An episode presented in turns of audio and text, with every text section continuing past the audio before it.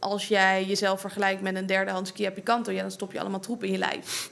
Of in mijn geval, ik stopte te weinig in mijn lijf, niet de goede brandstof. Terwijl ik wist dat ik slecht bezig was. En nu vergelijk ik mijn lijf met een Ferrari. Dan ga je er alleen maar de beste brandstof in stoppen. En dan ga je met de hand wassen. Doe je regelmatig een onderhoudsbeurt. En dan gaat niet alleen maar je voeding veranderen, maar alles in je leven. Dus daarom tolereer ik heel veel dingen niet meer. En ik kan dat ook niet meer tolereren. Dus vandaar dat ik geen tv in mijn huis heb. Ja. Uh, want het, het, voelt voor mij niet goed om dan bijvoorbeeld al je ik ken mensen die al hun maaltijden voor de tv eten. Ja, dat gaat er bij mij niet in. Dan krijg je kortsluiting in mijn brein, je merkt het al. Leuk dat je weer kijkt of luistert naar deze nieuwe aflevering van de Podcast of Hope. We zijn er even tussenuit geweest, maar we zijn weer terug van vakantie. En dit seizoen beginnen we sterk met ex-powerlifter Isabelle Veteris. We gaan het onder andere hebben over hoe zij met haar unieke topsportersmentaliteit anorexia heeft overwonnen en zichzelf heeft omgetoverd tot een ware powerlifter. Podcast of Hope. Moving towards happiness. Nou, leuk dat je er bent. Ja, dankjewel voor de uitnodiging. Ja, uh, onze, onze podcast gaat over geluk. Is dat een onderwerp wat je veel bezighoudt in het dagelijks leven? Nee, ja, ik denk dat geluk meer een resultaat is van hoe je leeft en niet per se een doel aan zich. Dus ik ben er vrij weinig mee bezig. Maar als mensen vragen, ben je gelukkig? denk ik, ja, ik ben uh, hartstikke gelukkig. Ja, en, en, ja, je, en hoe komt dat dan? Je houdt je er niet echt mee bezig. Het is gewoon hoe je leeft. Ja. Als je gelukkig bent. Ja, ik zie dat heel veel mensen geluk dus nastreven, maar daarmee de meeste tijd ongelukkig zijn. Want die koppelen geluk aan externe factoren. Dus als ik dit heb bereikt, dan ben ik gelukkig. Dus als je het zou hebben over de topsport, als ik Nederlands kampioen ben, dan ben ik gelukkig. Mhm. Ja. Maar op het moment dat dat is gelukt, dan ben je even gelukkig. En dan al heel snel val je weer terug in hoe je je eigenlijk voelde. En dan heb je nog meer nodig om weer dat geluksgevoel te kunnen bereiken. Dus dan moet je Europees kampioen worden en dan wereldkampioen. En wat ga je dan daarna doen? Ja. En ik denk dat geluk er al is, en dat dat veel meer in andere dingen zit dan in voorwaardelijke dingen. Uh, en op het moment dat je dat najaagt, dan schiet je altijd je doel mis. In plaats van dat je kijkt naar waar is het al. Dus geluk in mijn optiek, je hebt drie werelden waarin je kan zijn. Het verleden, het heden en de toekomst. Mm -hmm. En geluk zit alleen maar in het nu. In het volledig in het moment kunnen zijn. En de dingen waar ik dan geluk uit haal is bijvoorbeeld de sport, want dan ben ik helemaal in het nu. Of als ik met mijn partner samen ben, of als ik met mezelf ben, of als ik aan het werk ben, omdat ik dan niet bezig ben met me zorgen maken om de toekomst of nadenken over in het verleden wat ik allemaal anders had kunnen doen. En Ja. daar zit voor mij dus het ultieme geluk in en ook in meerdere dingen op die manier. En ben ik er niet eh, veel mee bezig, voor mijn gevoel in ieder geval. Dus ik zou kunnen zeggen dat geluk inderdaad dus een bijkomstigheid is van een goed leven leiden op die manier. Ja, absoluut. Of als je hem zou omdraaien, wat is ongeluk? Hè, wanneer ben je ongelukkig? Nou, dat is als je waarschijnlijk een slechte gezondheid hebt. Want dan moet je daar ineens mee bezig zijn. Terwijl je Mm. daar helemaal niet mee bezig wil Ja. zijn. Of als je een slechte relatie hebt, waardoor je tijdens werk bezig bent met de ruzie thuis. Of ehm, nou ja, dat soort voor als je vaak kijkt naar het tegenovergestelde. Nou, als je dat allemaal niet hebt, Ja. dat is denk ik ook het recept voor een gelukkig leven. En hoe leid je dan zo'n leven? Wa- Waar moet je naar streven of waar juist niet? Wat, eh, hoe heb je dit zelf ingevuld? Ja, ik denk dat veel mensen geluk in de toekomst zien en dan een bepaald beeld erbij hebben. Ja. Ehm, dus ga eens voor jezelf een lijstje maken, voor de luisteraar bijvoorbeeld, van wat maakt me gelukkig. En in plaats van dat je dat in de toekomst gaat doen, ga dat nu al doen. En ga nu die mogelijkheid creëren om dat te doen. Dus als je denkt, oh, als ik heel veel geld heb, dan ga ik reizen. Eh, want reizen maakt me heel blij. Ga nu al beginnen met reizen. En al is dat dan maar een weekje naar Nederland of zo. Maar als dat je heel erg happy maakt, doe dat. Of als jij gelukkig wordt van reizen omdat je dan veel buiten bent en in het zonnetje bent, ga dan in Nederland ook meer naar buiten. Of om nieuwe dingen te doen, ga dan ook wat meer nieuwe dingen doen. En dat zie ik ook in mijn eigen coachingspraktijk. Als ik dat soort dingen bij mensen aanzet, dan worden ze ook echt gelukkiger. Maar niet omdat het een doel op zich is, maar omdat ze die andere doelen dus stellen. Ja, en, en het uitstelgedrag is eigenlijk gewoon een groot obstakel. Ja, dat zorgt er dus voor dat je in het verleden of in de toekomst bent. Dus stel, je hebt bedacht, ik ga naar de sportschool. ja. Oh ja, tuurlijk. Dan ben je in de toekomst, want dat plan heb je bedacht. En je bent aan het onderhandelen met jezelf van ga ik dat wel doen of ga ik dat niet doen. Mhm. En als je dan aan het uitstellen bent, dan ben je weer in het verleden, want je hebt spijt dat je het niet eerder hebt gedaan. Dus hoe dan ook zit je in je hoofd. En als je in je hoofd zit, kan je dus per definitie niet in je lijf zitten en in het nu zijn. En geluk zit denk ik meer in je lijf dan in je hoofd. Ja. Ja, jij zegt het gaat niet per se dus om de wedstrijd, maar om de weg ernaartoe. Zo vat ik dan een beetje op. Maar hoe was het dan voor jou? Jij, jij deed gewoon die wedstrijden? Of zat je toen in een andere soort van fase in je leven? Nee, het, het winnen was voor mij helemaal geen doel op zich. Ik vond mezelf, eh, als ik dat mag zeggen, al fantastisch dat ik dat allemaal deed. En eh, ik kon mezelf heel veel schouderklopjes geven op de weg ernaartoe. En ik heb zoveel lol erin gehad in al mijn trainingen. En Dus er zijn ook twee trainingen geweest waar ik geen zin in had. Maar ik denk 99% van de trainingen vond ik fantastisch om te doen. En daardoor ben ik een van de sterkste vrouwen van de wereld geworden. En niet omdat dat een doel op zich was. Als was ik laatste geworden daar, dan was het voor mij prima geweest. Ja. En juist daarom heb ik gewonnen. En de mensen die daar kwamen omdat ze goud wilden winnen... eh, daarbij was het niet goed genoeg, want die hadden al die hele hoge verwachtingen. Dus die konden Ja. zichzelf alleen maar teleurstellen. Is dat wel een beetje iets wat topsporters onderscheidt? Of is dat dus ook binnen de topsport dat daar die mentaliteit verkeerd kan zitten? Absoluut. Ja, en ik denk dat topsportmentaliteit vaak wordt geassocieerd met de wil om te, om te winnen, alles geven. Maar ik denk dat dat helemaal niet de mindset voor succes is. En daarom is mijn visie op een topsportmentaliteit heel anders.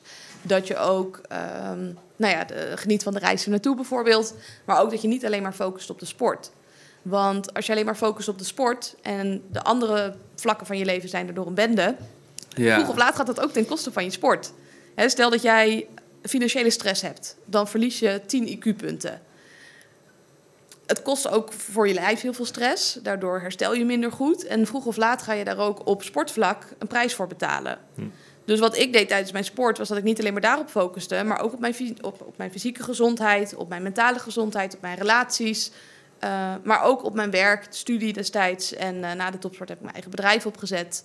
En ben ik daar ook op gaan focussen. Maar je studeerde nog terwijl je... Topsport Aan- deed. En parttime werkte. Dat, Weet je? Dat klinkt best wel druk Ja, allemaal, ja, maar ja, inderdaad. Ik kan me ook voorstellen dat je dan denkt van... oh, dit is een moment dat ik eigenlijk nu zou kunnen trainen. Dit is verloren tijd. Ehm, Nee, want ik trainde maar vier keer per week. Heel veel topsporters trainen twee keer per dag. Zijn daar heel veel tijd inderdaad mee kwijt. Ik ben groot fan van in zo min mogelijk tijd zoveel mogelijk resultaat behalen. En als ik vier keer per week trainde, nou, dan werd ik een van de sterkste van de wereld. Dus dan vond ik dat best Ja. wel een, een eh, goede balans. ja, Dus, dat klinkt eh, perfect. Maar hoezo doet niemand dat dan?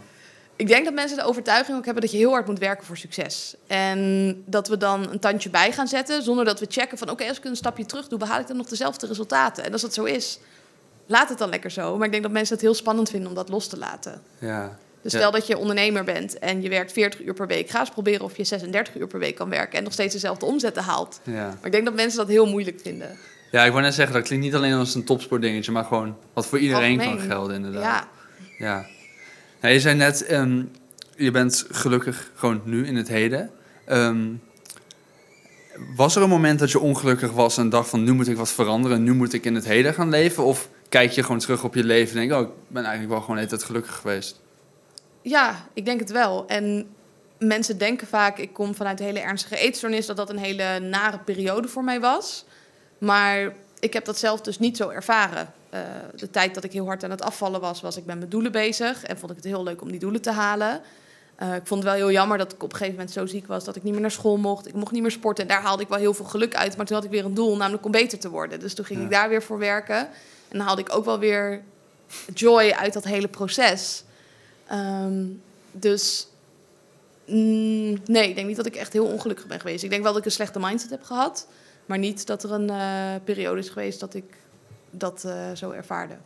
Nou, mooi. wel grappig dat je zelfs daar nog enige positiviteit uit Ja, kan ik was ook de enige hoor. Ik heb in een kliniek gezeten. Ja, dat en geloof ik. Ik kon de hele groep wel omhoog trekken met mijn eigen energie, omdat ik zo positief was. Dus Ja. als dat ik in een shit situatie ging ik motivatieboekjes maken. En daar ging ik eh, iedereen in laten schrijven. En daar ging ik foto's in plakken en mijn doelen in opschrijven. En dan was ik helemaal gepassioneerd over het daarin beter worden. Omdat Ja. ik wel het vertrouwen had van als ik dit kan overwinnen, dan kan ik alles aan. En dan kan ik misschien ook weer uiteindelijk een impact maken op de, op de wereld. Ik weet Hm. nog niet hoe dat eruit gaat zien, maar dat vertrouwen, dat was er wel.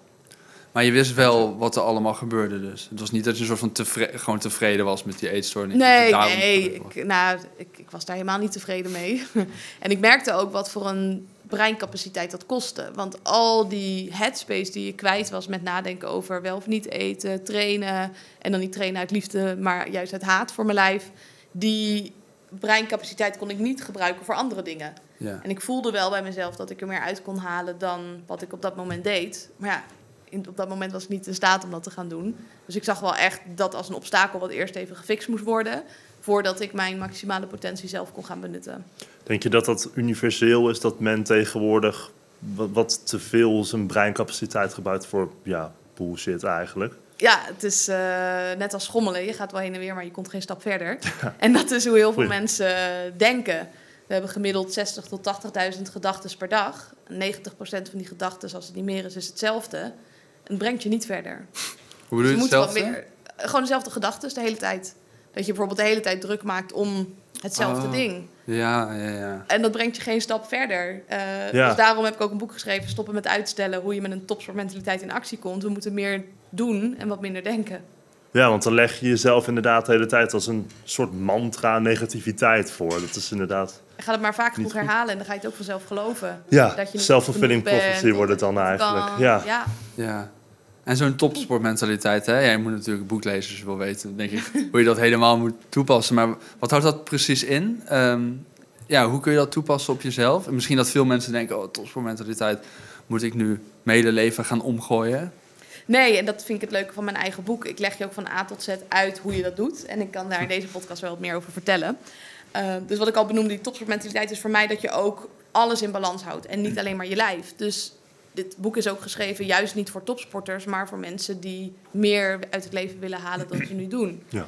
Uh, en niet twee keer per dag willen trainen en niet hun hele leven willen omgooien, maar juist in hele kleine stapjes dat willen gaan aanpakken. En mensen die weten van als ik het op basis van motivatie doe, of wilskracht of discipline, dan kom ik er niet, want dat kost alleen maar energie. Maar met mijn methode ga je juist moeiteloos je doelen bereiken. En ook Ja. op alle vlakken van het leven. Dus je gaat niet alleen maar een goede relatie krijgen, maar ook een goed lichaam. En ook op financieel vlak ga je sterk worden. Als je ondernemer bent, gaat je bedrijf groeien. Of in loondienst ga je promotie waarschijnlijk maken. Um, maar vooral ook dat je rust in je hoofd hebt. En ik denk dat dat anno 2022 heel zeldzaam is, maar wel heel belangrijk. Ja, inderdaad. Er zijn al die punten, dingen die als een soort van spinnenweb samen... Helemaal, ja. Je het kan niet los van elkaar zien. Als ik heel negatief over mezelf denk, dan gaat dat ook in relaties terugkeren. Dus dan ga ik bijvoorbeeld een partner uitkiezen die die overtuiging spiegelt. Dus die naar tegen mij doet bijvoorbeeld. Of ik ga heel veel ruzie maken. Hmm. Of als ik mezelf niet goed genoeg vind, ja, dan ga ik allemaal voeding eten die niet goed voor mijn lichaam is. En dan word ik te dik. Of um, in mijn werk ga ik dan niet mikken op een baan die ik heel graag zou willen. Want ik vind mezelf toch niet goed genoeg. Dus ik ga een baan kiezen die op zich de rekeningen betaalt. Maar waar ik niet Ja. heel happy van word. Ja. Dus ja, ik zie dat dat uh, met elkaar verweven is. Ik denk dat er tegenwoordig wel heel veel mensen zijn die ook een beetje voldaan zijn met hoe het nu is, weet je wel. Wat dan een Ah, beetje... comfortabel. Voldaan. Uh, Ja, misschien niet voldaan, maar comfort. Ja, dat denk ik inderdaad ook. Meestal... Ja, je hebt inderdaad geen gevoel van voldoening dan inderdaad. nee, Maar dus ja, je bent wel comfortabel, je bent niet heel bereid... veel mensen zijn te comfortabel. En daarom Ja. blijven ze hangen waar ze nu zijn. En als de pijn groot genoeg is, zoals bij mij mijn eetstoornis, dan ga je wel veranderen. Maar als Ja. die pijn niet groot genoeg is, komen we niet in beweging. Maar zou je dan eigenlijk voor die pijn al de verandering eh, gemaakt willen hebben? Ja, tuurlijk. Eerder eh, het dak repareren als Ja. de zon schijnt dan Ja, het regent. Maar dat kan wel. Komen is beter. Tuurlijk ja. kan dat. Alleen in je eentje is dat heel erg moeilijk. Ja. En daarom denk ik dat het heel fijn is om daar hulp bij te hebben. Bijvoorbeeld van gelijkgestemden of van een mentor of van een coach. Of nou ja, in ieder geval dat je het niet in je eentje hoeft te doen. Omdat de motivatie veel minder is op het moment dat het goed gaat. Maar aan de andere kant, je hoeft niet ziek te zijn om beter te worden. Je kan ook werken daar aan een goede mindset, ook al ben je niet doodongelukkig. Uh, alleen zijn mensen wat minder gemotiveerd om dat te doen. Ja, mensen praten zichzelf ook echt aan, denk ik, dat ze content zijn. Is ook een mooi Vaak is het verhaal. niet, Stel ja. dat je bijvoorbeeld, ik noem maar wat, 100 kilo bent en overgewicht hebt. Mhm. Dan klinkt het voor jezelf veel beter om te zeggen, ja, ik ben niet gezond, maar ik vind het ook niet erg. Het is wat het is, uh, slechte genen. Uh, ik zou ook niet uh, op een blaadje sla willen leven, dus Nee, ik blijf lekker zo. Dus Ja, je praat precies. het gedrag praat je goed voor jezelf. Ja. Want anders dan moet je jezelf daarin dus mentaal pijn gaan doen. Hm. Want wie je wil zijn en wat je doet, is niet op één lijn. En dat kost heel veel energie. Dus daarom vertellen mensen maar dat ze er content mee zijn, terwijl ze dat eigenlijk helemaal niet zijn. Ja, ja, je zei je hebt pijn nodig voor verandering. En ik denk dat we tegenwoordig wel in een tijd leven. En wat in principe ook goed is, waar we eigenlijk bijna niet meer in contact komen met pijn. Ja, is dat dan goed? Nee, want we verdoven het ook nog eens de hele dag door de Ja. hele dag te consumeren in Ja. voeding, drinken, scrollen, Netflix, nog meer scrollen, nog meer scrollen. eh. Ja. Dus ik, er mag echt wel wat meer pijn gedaan worden. Ik denk dat we ook in een maatschappij leven waar we daar heel erg van weg willen bewegen. Dus we mogen mensen niet meer aanspreken op wat ze, wat ze doen. Ik mag niet meer tegen iemand zeggen, joh, je bent te zwaar. Nee, het is hashtag self-love en eh, body Ja. positivity en... Ik vind dat we ook eerlijk tegen elkaar mogen zijn. En ook eerlijk naar onszelf toe. Van, oh, als je er financieel een bende van maakt... dan is dat gewoon even wat het is. Ja, precies. Dus ehm, ja, ik denk dat we te comfortabel zijn. Dat we ook te lief zijn naar onszelf, naar de mensen in onze omgeving. En dat er best wel wat meer op die knoppen gedrukt mag worden. Ja. Dat is ook wel een beetje hè, wat de Stoïcijnen zeggen. Van het leven gaat hard worden op een gegeven Je moment. leert met Ja. vallen en opstaan. En Ja. het leven is per definitie is dat lijden. Ja, Maar liever heb ik dan dat ik mijn eigen lijdensweg kies... en dat ik mezelf in ijsbaden stop, dat ik hard train... dat ik op tijd naar bed ga... dan dat ik eh, vroeg of laat de rekening moet betalen... dat ik eh, op mijn zeventigste mijn veters niet meer kan strikken... dat ik eh, zoveel overgewicht heb dat ik mijn broek niet meer omhoog krijg... of eh, nou ja, wat het dan ook gaat zijn. ja. Of dat ik ongelukkig ben. Ja, je moet eigenlijk metaforisch accepteren dat je gekruisigd gaat worden. En dan bij wijze van spreken jij gekruiste bult opdragen. Dan heb je in ieder geval zelf de regie. En ik denk Ja. dat een heleboel mensen vandaag de dag het gevoel hebben... dat ze niet meer de regie hebben. Ja. ja. En ik denk dat dat nog pijnlijker is dan dat je de regie weer terugpakt en wel voor die pijn gaat kiezen. Maar dan heb je zelf weer die controle daarop. ja, zeker waar. En zoals je zei, je, je komt uit een eetstoornis. Je, je woog, als ik het goed heb, 40 kilo. Ja, En Jeetje. ja het is 40. minder dan de helft dan wat ik nu ben. ja, Dus dat was, eh, ja, was wel shocking. Als ik later was geweest, dan had ik het waarschijnlijk niet overleefd. Oh man. Dat is ook hoe de huidige gezondheidszorg in elkaar zit. Want ik had al eerder aan de bel getrokken, veel eerder. Hmm. Maar ik was niet licht genoeg. Dus dan eh, kom je op een oh, was, wachtlijst. was niet was niet licht genoeg. Ja, je moet om de diagnose anorexia te krijgen, moet je een bepaald BMI hebben. Volgens mij onder de 18 of zo, of onder de 16 zelfs. Ja, dat had ik niet. Echt, Dus dan ik- kom je op een wachtlijst en het duurt een half jaar voordat je terecht mag. En uiteindelijk was ik zo zwak dat ik ineens versneld eh, Ja. terecht kon. Oh, dat kan ik me echt niet voorstellen dat dat zo gaat. Dat is, heel, dat is echt heel slecht.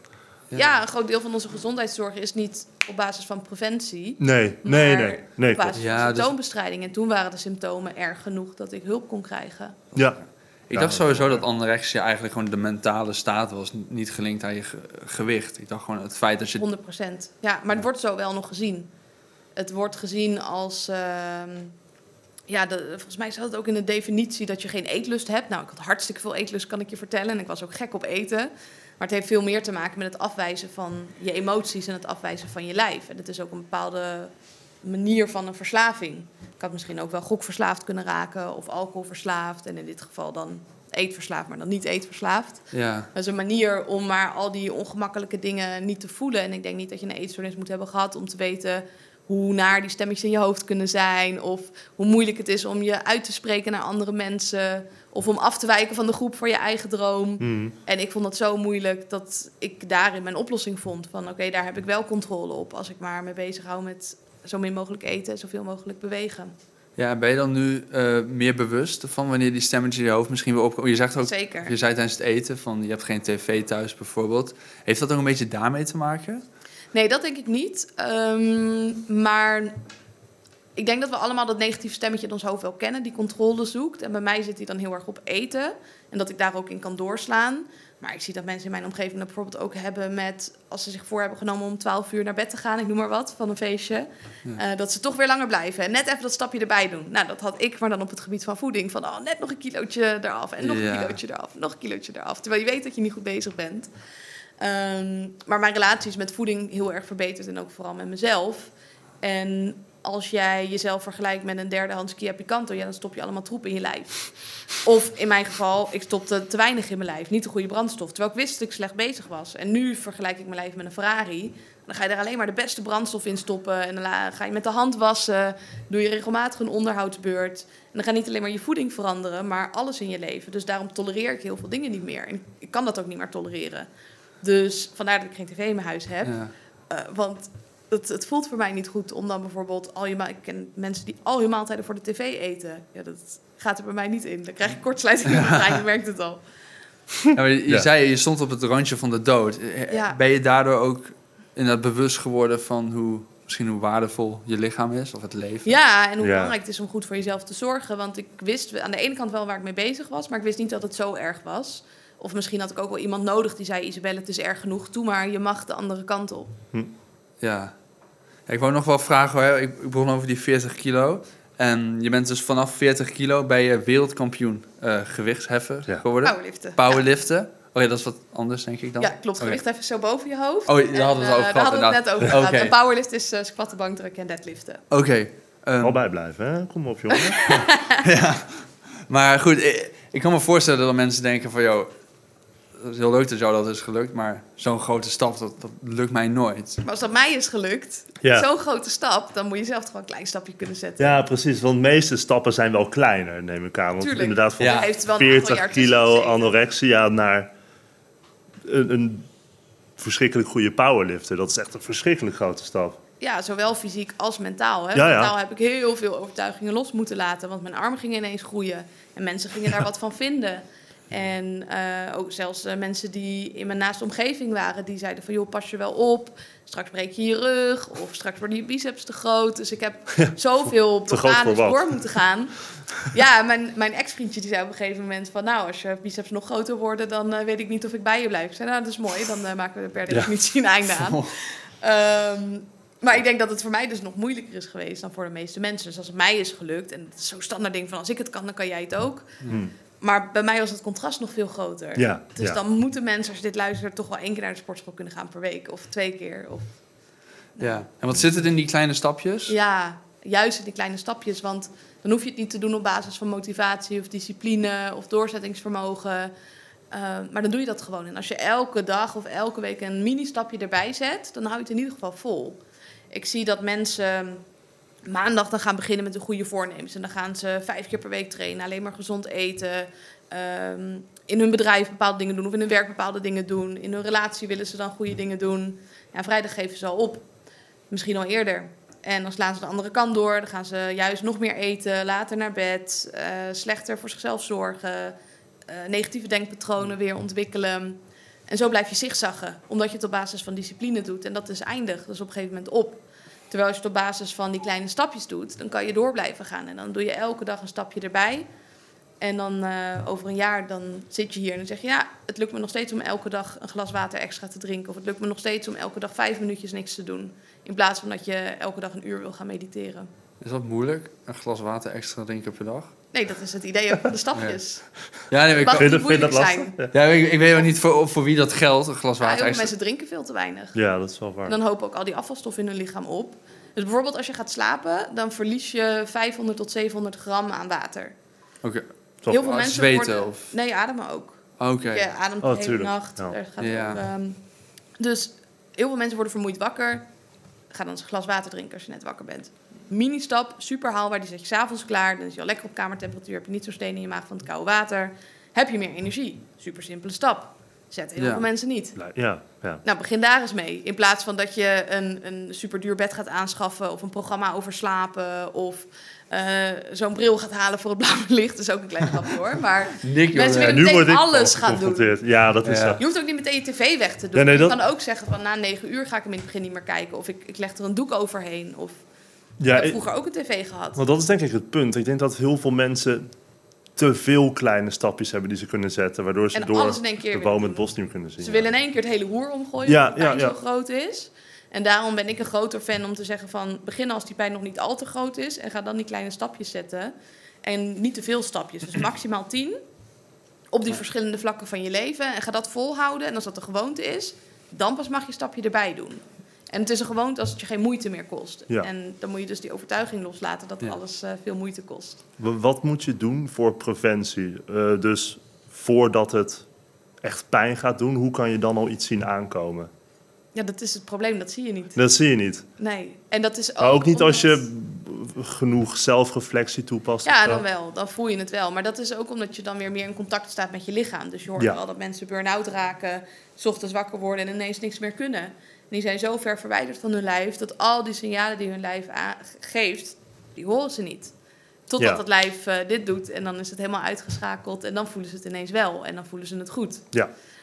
Dus ik denk dat een deel dan zit in het eerder contact maken met je lijf. En gewoon luisteren naar je lijf. Dus al begin je met één minuutje per dag eventjes niks doen... en even voelen in je lijf van oké, hoe voel ik me nou? Ja. Ben ik rustig? Ben ik onrustig? Wat doet mijn ademhaling? Wat doet mijn hartslag? Eh, zit ik in mijn hoofd? Zit ik in mijn lijf? Even Ja. één minuutje. Ga dat eens elke dag doen. En misschien dat je op die manier ook de pijn al wat groter gaat maken bij jezelf. Dat je elke keer tot de conclusie komt, ook voel me eigenlijk onrustig.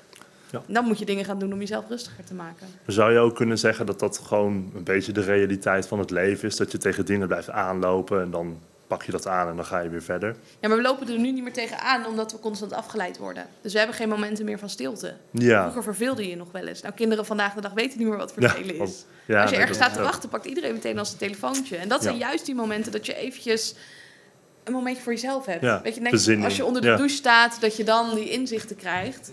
En zelfs dan zetten mensen muziek op of een podcast. Of... Ja. Mensen kunnen niet meer alleen zijn met hun eigen gedachten.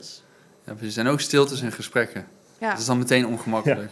Terwijl het, het hoeft helemaal niet ongemakkelijk te zijn. We hadden het er net nog over, Ja. inderdaad. Nou ja, kijk, in een podcast is het wel wat anders, want dan maak je natuurlijk wel iets. Maar ik heb Ja, de luisteraars ben- ook nadenken. Dat, Oh ja, zo moet je het zien. Precies. Dat doen we niet voor onszelf, hè? Dat doen we Nee. voor de ander. Ja, gewoon even erbij zeggen. Denk nu even na. precies, precies. Ja, een minuutje nadenken. Nee, maar als ik dat mag meegeven aan de luisteraars, dan ga je gewoon vaker vervelen. Je hoeft niet altijd te weten wat je gaat doen. Plan ook lege momenten in in je agenda. Ja. Dus ik heb in mijn agenda juist de rustmomenten ingepland en niet de momenten dat ik wel wat doe. Dus ik heb elke dag tussen 12 en half 2 heb ik pauze. Ik stop om 6 uur over het algemeen met werk, met uitzondering van deze podcast. Maar over het algemeen werk ik s'avonds niet. Dat waarderen we trouwens hoor. Ja. Ik heb laatst nog een opdracht juist in de avond afgezegd. Ik dacht, ja, ik ga gewoon niet werken in de avond. Nee, maar ik nee. voel heel erg een ja of een nee. Eh, werk ook niet voor 8 uur 's ochtends. Eh, dus ik plan mijn rust in. En dan plan ik ook zo min mogelijk in die rust. Dus mijn weekenden zijn vaak leeg, mijn avonden leeg, mijn pauzes leeg. Nou, ja, soms verveel ik me, soms weet ik wel wat ik wil doen. En juist vanuit die verveling komen de leukste ideeën. Dus vrijdagavond had ik geen planning. En toen ben ik een uur karaoke gaan zingen op de bank. dus ja, ik vind dat helemaal Ja. een fantastische avond zie het voor me, ja. ja. Ja. ja, dat is ook wel iets wat ik de laatste tijd wel heb geleerd. Om inderdaad eh blij te zijn gewoon alleen, zonder prikkels. En als je dan bijvoorbeeld je trein mist, dan ga je gewoon een stuk lopen. En dan is het helemaal geen ramp. Dan ben je gewoon met jezelf. Dat is heerlijk. Ja. En daardoor zijn prikkels ook intenser. En dan is dat ook genoeg. Dus omdat we de hele dag die prikkels hebben, raken onze dopamine-receptoren nou ja, ongevoelig. Dus we hebben Ja. nog meer prikkels nodig. Dus we Ja. gaan eerst Netflixen en dan is dat niet meer genoeg. En dan moeten we erbij scrollen en dan is dat niet meer genoeg. En dan moeten we er ook nog eens bij eten. Maar gooi eens even al die prikkels weg. En ga ze dan weer herintroduceren. En dan merk je ineens wat het met je doet. Ja. En Even hoe, een hoe intens het ook is. er doorheen. Oh, ja. Dus Ja. ik ben iedereen ontvolgd op, op Instagram. Oh, Ja, ik volg helemaal niemand meer. TV eruit. Eh, alle rotzooi uit mijn dieet geschrapt. Want dan ga je ineens voelen wat het met je doet. En dan wordt die pijn heel groot. En dan kan je niet meer anders dan... eh, ja, klopt. Ik heb inderdaad gewoon besloten mijn social media eruit eh, te gooien. Inderdaad, dat is wel... Ja, en alle kinderen van de eigenaren van de apps... die mogen al die apps niet op hun telefoon hebben. Nee, dat Ja, klopt. Dat heb ik... Ja, ja, ja, ja. voor mij, Het is zo verslavend. Steve Ja. Jobs of zo, die kinderen, die hadden geen iPad en zo. Ja. Hij zelf had geen iPad, dat was het. Nee, natuurlijk niet. En zijn Ja. kinderen ook niet volgens mij, nee. Ja, het is wel het doel logisch. van als je, als je een gratis app hebt...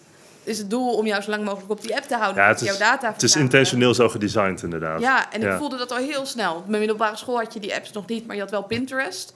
Ik weet niet of jullie dat kennen, maar je Ja. kan blijven al- scrollen. Is dat al zo Dat- lang een ding? Dat is best wel lang een ding, ja. Ik vond het heel stressvol en dat voelde ik bij mezelf. Toen dacht ik, ja, dat ik niet doen. Het is heel dom. Ja. Zonde van mijn tijd. Ik ga er niks mee doen. Dat zijn allemaal ideeën en inspiratie, maar geen actie. Ken je Snapchat? Goeie. Ja, Ja, je had wel op- dat is wat lang geleden hoor, maar dat was op een gegeven moment van die streaks. En als je elke dag een snap naar iemand stuurde, dan Ja. kwam er zo'n en streak dan bij. bleven mensen dus natuurlijk. Ja, dus dan had ik echt 580 en dan was ik helemaal in de stress, want dan ging ik op vakantie. Dan, dan kon ik een Snapchat sturen. Dus dan moest ik Oh. vrienden, die gingen, dan kreeg ik dan mijn inlogcodes om snaps te Nee. sturen naar mensen. Ik dat moet een hoog niet-zeggend getalletje hebben. Ja, Ja, ja. Zo dat houdt zo, belangrijk. maar dat houdt je zo in, in bedwang bijna. Ja, en heeft Ja. het controle over jou in plaats van dat je de controle hebt over je eigen leven. Ja. En dan stop je ermee en dan heb je opeens zoveel tijd vrij. Dan heb je zoveel Ja, tijd om dingen te doen. Net in de gang zei hij tegen mij van... eh, joh, eh, je doet wel heel erg veel, ben je dan niet druk? Nee, want ik zit niet de gemiddelde vier uur per dag op een scherm. Ja. Dus dan heb ik ineens vier uur per dag over. Nou, wat kan je in die tijd allemaal doen? Ja, ik raak helemaal excited over. Ik denk, ja, zoveel mogelijkheden Ja. Zitten mensen gemiddeld vier uur per dag op een scherm. Oh. Los van werk. Oké, los van werk. Facebook, Ja, ja, ja. Instagram, YouTube, eh, Netflix. Ja, YouTube is wel een eh, demon voor mij hoor. Dat is een rabbit hole. Ja. Die vind ik het moeilijkst. ja, die vind ik echt lastig, ja. ja ze doet wel steeds minder. Ja, want daar praat ik mezelf ook wel goed van, oh, ik kijk educatieve Oh, video's. ja, ja, Ja, ja, ja. het klinkt allemaal heel goed. Of Ja. mensen die dan heel veel podcasts luisteren. Of zelfs die persoonlijke ontwikkelingsboeken lezen. Maar het is allemaal inspiratie. En inspiratie zonder actie leidt tot frustratie. En dat is ook weer een vorm van stress. Ja, interessant. Inspiratie zonder actie leidt naar frustratie. Dat vind ik Dan weet je het wel, maar je doet er niks mee. Nee, nee, precies. Dat is een dat ja. je er wel wat mee doet. Ja, ja, ja. Ja, ja dan kun je beter Ja, want dan, doe je je iets niet om- en dan nou. word je je daar bewust van gemaakt en dan... Ah, Het is hetzelfde als dat je elke dag op de weegschaal gaat staan. En je weet Maar- dat je ja. zwaar bent, maar je gaat niet op dieet. Ja. Als je dat zo zegt, klinkt het heel. Dus dom. kan je ja. beter dat niet meer doen. Ja. En voor jezelf vertellen, oh, ik ben helemaal prima dat ik dik ben. Het is ook Eh, niet goed trouwens. Ook niet goed, nee. of als je elke dag op de weegschaal gaat staan, ben ik ook geen fan van overigens hoor. Maar dat je dan wel aanpassingen gaat maken in je voeding. Ja. ja, je kan beter de aanpassingen maken, maar niet op de weegschaal gaan staan dan op de weegschaal staan. Of één keer in de week of één keer in de maand om Ja. het een beetje te managen. Maar net zoals eh, dat geluk een gevolg is, is ook het verliezen van gewicht een gevolg van een goede leefstijl. Ja, Het zou geen doel ja. op zich moeten zijn. ja, de goede dingen zijn eigenlijk Dat is, de dat je- gevolgen van goede acties op die Ja, manier. ik zeg altijd, je krijgt wat je verdient. Ja, En mensen willen die beloning hebben, maar omdat ze dat als doel stellen, krijgen ze het niet. Ja. Dus ze willen die gouden medaille, maar die hebben ze niet verdiend. als je kijkt naar het werk wat ze erin hebben gestopt. Ja. Of eh, ze willen een gezond gewicht, maar ja, dat past helemaal niet bij de leefstijl die ze hebben. Dus maak als doel om die leefstijl om te gooien in plaats van om kilo's te verliezen. wat ik laatst eigenlijk tegen jou zei, toch? Mensen willen wel het fruit Ja. hebben, maar zijn niet in staat de boom te planten eigenlijk. Ja. ja. En het geduld te hebben om te wachten, water Ja, te geven, ja, ja, liefde precies. te geven. Ja. Ja, ja, ik heb dat dus ook wel een beetje. Want dat ging over. We waren toen in de sportschool en ik dacht van. Wanneer begin ik nou een beetje spieren te krijgen? Ik, word ben dus- al eh, tien jaar naar de sportschool aan het gaan. Ja, Dus dat eh, kost even tijd. ja, precies. En wanneer begon je te zien? Ook Ja, het is bij mij een beetje vals spelen misschien. Ah. Maar ik, sport al mijn hele leven. Dus ik denk Ah. ook dat je daardoor wat meer aanleg hebt. Ehm, en ik heb dus een spierziekte... waardoor mijn spieren bij kou sneller verkrampen... dan bij mensen die dat niet hebben. Mhm. Maar een bijkomstigheid is ook dat ik veel makkelijker spiermassa aanmaak. Oh, Ah. Dus ik eh, had al heel snel een biceps van 40 centimeter. jezus, dat is veel. ik heb een jurkje nu, dan zie je het al minder, maar ze zitten er Zo wel. van Obelix die dan in een, eh, een pand vol met anabolen is gevallen. Ja, ja en ze zeiden ooit tegen mij... je hoeft maar naar een dumbbell te kijken en eh, je hebt Ja, precies. spiermassa. Ja. Maar dat, dat zei je ook, dat is die visualisatie, toch? Die helpt ook. een beetje. Ja, Dat, eh, als ik zo sta op een feestje, zo met mijn armen over elkaar, dan spreken mensen me aan van, oh, jouw onderarmen. Maar misschien is dat ook wel weer mindset, dat je jezelf vertelt dat je dat heel makkelijk aanmaakt en dat dat helpt. Ze hebben ook onderzoek gedaan naar twee groepen mensen. De ene die ging buikspieroefeningen doen en de ander ging alleen maar denken aan buikspieroefeningen en denken dat het effect had. De denkers hadden toch niet meer buikspieren Niet meer, maar Oké. volgens mij wel eh, meer dan de helft dat- ten opzichte van niks doen. Ongelooflijk. Ja, dat is zo gek. Maar ik kan me dat wel Ja. voorstellen. Want dat is een beetje dat idee van... als je lichaam door heeft dat er verandering moet komen... dan gaat het verandering maken. Ja, ja. Maar dat is wel, dat is wel gek. Ja, dit is net Dat wel is met... ook weer het, het construct wat we hebben van hoe het werkt. Hè? Je moet hard werken om dat resultaat te bereiken. Ja. maar wat nou als dat niet zo is? Wat nou als al die overtuigingen niet kloppen? Net zoals waar we het net over hadden, over voeding. Ja, ik wou er net over beginnen. Dus Er zijn mensen die leven van licht. En ons rationele brein snapt er helemaal niks van. Omdat we denken, ja, maar we hebben toch eten nodig om te overleven. Ja, maar wat nou als dat niet zo is? En we worden zo opgevoed om te denken in die kaders... in plaats van om naar buiten te kleuren. Ja. Van wat kan er wel en wat kan er niet. In plaats van, oké, nou, ik weet niet hoe het kan... maar misschien is er wel een mogelijkheid. ja, precies. Ja, en dan gaat ons rationele brein... die gaat dat helemaal... naar de excuses bedenken... oh, dat kan dus helemaal niet. mensen zeiden bij mij: het is onmogelijk voor een vrouw om 100 kilo te bankdrukken. Heeft nog nooit een vrouw onder de 23 gedaan in Nederland. En toch deed ik het. Want ik ging Ja. kijken naar: oké, nou ja, blijkbaar is het nog niemand gelukt, maar hoe kan ik ervoor zorgen dat het mij wel lukt? En ik raakte super gepassioneerd over allerlei verschillende technieken Hmm. om meer spieren in je lichaam te gebruiken bij het bankdrukken. Dus niet alleen maar je bovenlichaam, maar dus ook je benen, je billen. Want ik denk, ja, als ik 200 kilo kan deadliften, dan moet ik ook wel 100 kilo kunnen bankdrukken. Want mijn benen zijn sterk zat. Ja. Dus toen ging ik dat trainen voor mezelf. En uiteindelijk is mijn record 111 kilo geworden. Eh, en is wel gelukt. Ik zou het al willen kunnen hoor. ik help je wel een keer. Ja, Aan top. bankdrukken. Maar even als voetnoot... je hebt natuurlijk wel keiveel werk erin gestopt, toch? Ja, Absoluut. uiteraard. Ja. Ja. alleen omdat je jezelf vertelt dat het niet kan, Ja. ga je ook het werk er niet in stoppen. Want dan denk je het is zinloos. In plaats van dat je als een kind het bijna gaat onderzoeken van... oh, maar misschien is het wel mogelijk. En laat ik dat eens proberen met vallen en opstaan. En misschien kom ik er inderdaad achter dat het niet kan. Maar misschien kom ik erachter dat het wel kan. Hè, vroeger dachten ze ook niet dat mensen konden vliegen. Totdat Ja. iemand bewees dat het wel kon. Ja. En ze zijn het gaan testen en oefenen. En Er is wel een paar gasten van de Eiffeltoren doodgevallen, maar... vallen en opstaan. Maar Dat Ja. offer hoort erbij, hè? Ja. Ja. Ah, je- had het net ook een beetje over de eenheid met je lichaam. Eh, doe je ook aan mediteren? Ik weet dat je dat ijsbad doet. Ja, Draagt dat daar ook een beetje aan bij? Ja. zeker. Dus het, eh, we hadden het ook over quick fixes. Ja. IJsbad vind ik een quick fix om rust in je hoofd te krijgen. Want je moet wel focussen op je, op je ademhaling. En je moet wel focussen op je lijf. eh, om dat onder controle te krijgen. Dus dat werkt voor mij als super meditatief. Maar ik heb ook regelmatig mijn momentjes dat ik niks doe. Ja, ik ga niet op een meditatiepoef zitten en oomgeluiden maken. Maar ik zit regelmatig op de bank niks te doen. Dat Ja. is voor mij ook een vorm van mediteren. Want als je mediteert, doe je ook weer wat. Hè? Dan ben je ook weer je gedachten aan het sturen dat je niks mag doen. Of juist aan iets moet denken. Of visualisatie. Doe ik ook allemaal. Maar ik denk dat er veel meer waarde zit in het eh, ja, gewoon lekker eh, lummelen. Ja, en denk je ook een beetje zoeken wat voor je werkt. Precies. Je eigen methode, een beetje, een beetje aanpassen.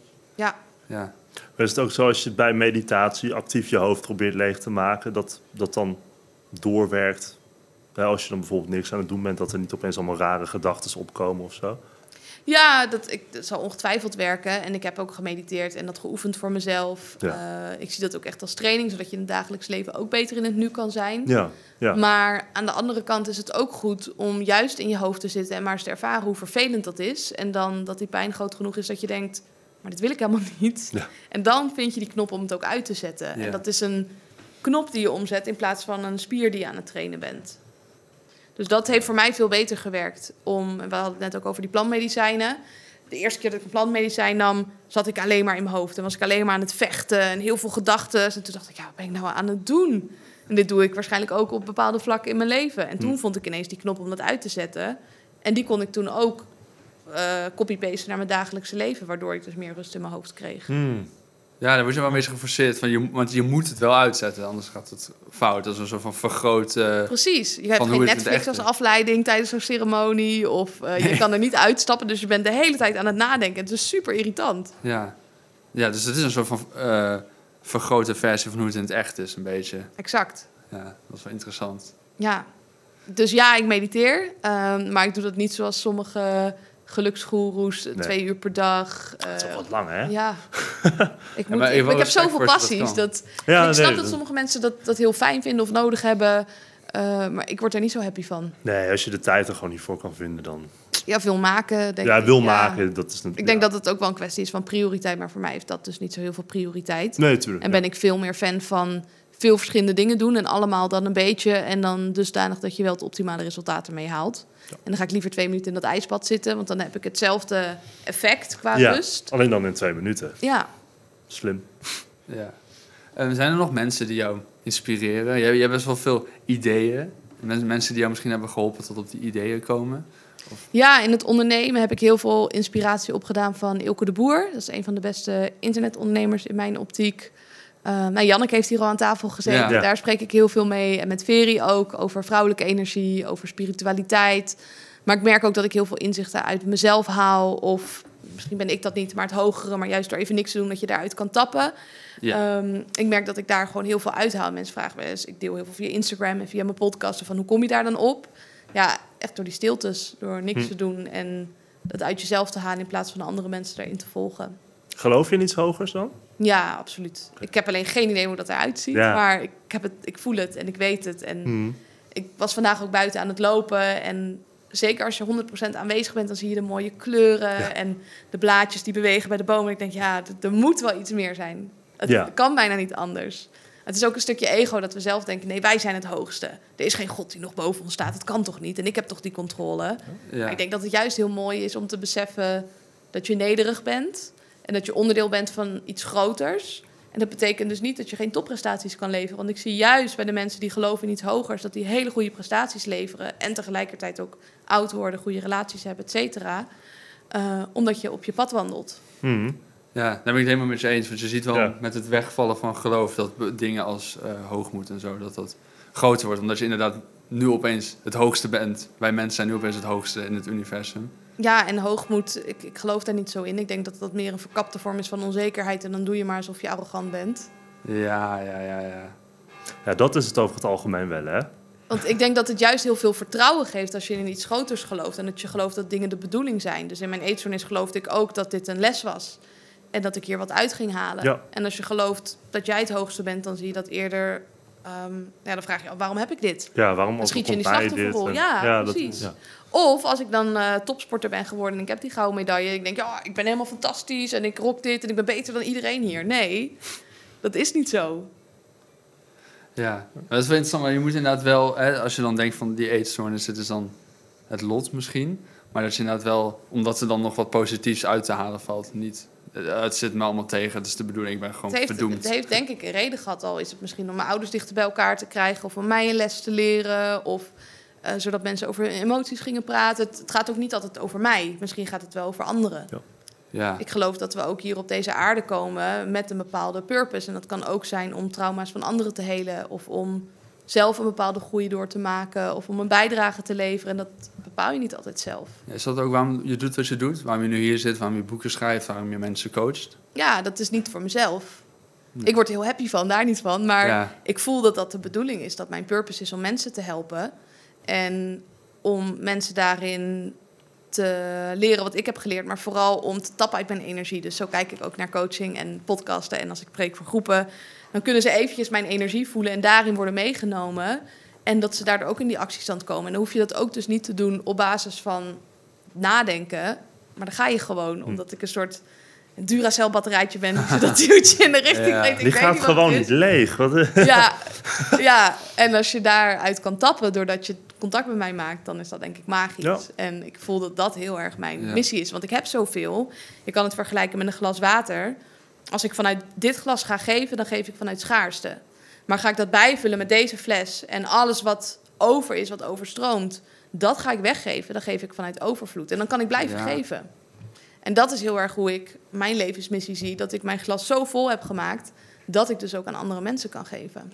Ja, mooi. Denk je dat het iedereen's taak is om bij te dragen en te geven? Nee, natuurlijk niet. Iedereen heeft zijn eigen purpose. Sommigen, nou, misschien op kleinere schaal. Dus ik denk dat bij sommigen ook wel de purpose is om moeder te worden. En dat, dat is wat het is. Ja, dat is ook En dan wel zullen mensen zeggen, ja, geven. maar moet je dan niet werken? Moet je dan niet dit doen? Nee, want misschien als jij moeder bent, ga je fantastische kinderen opvoeden. Of Ja. kan jij je partner heel goed ondersteunen in de impact die die aan het maken is.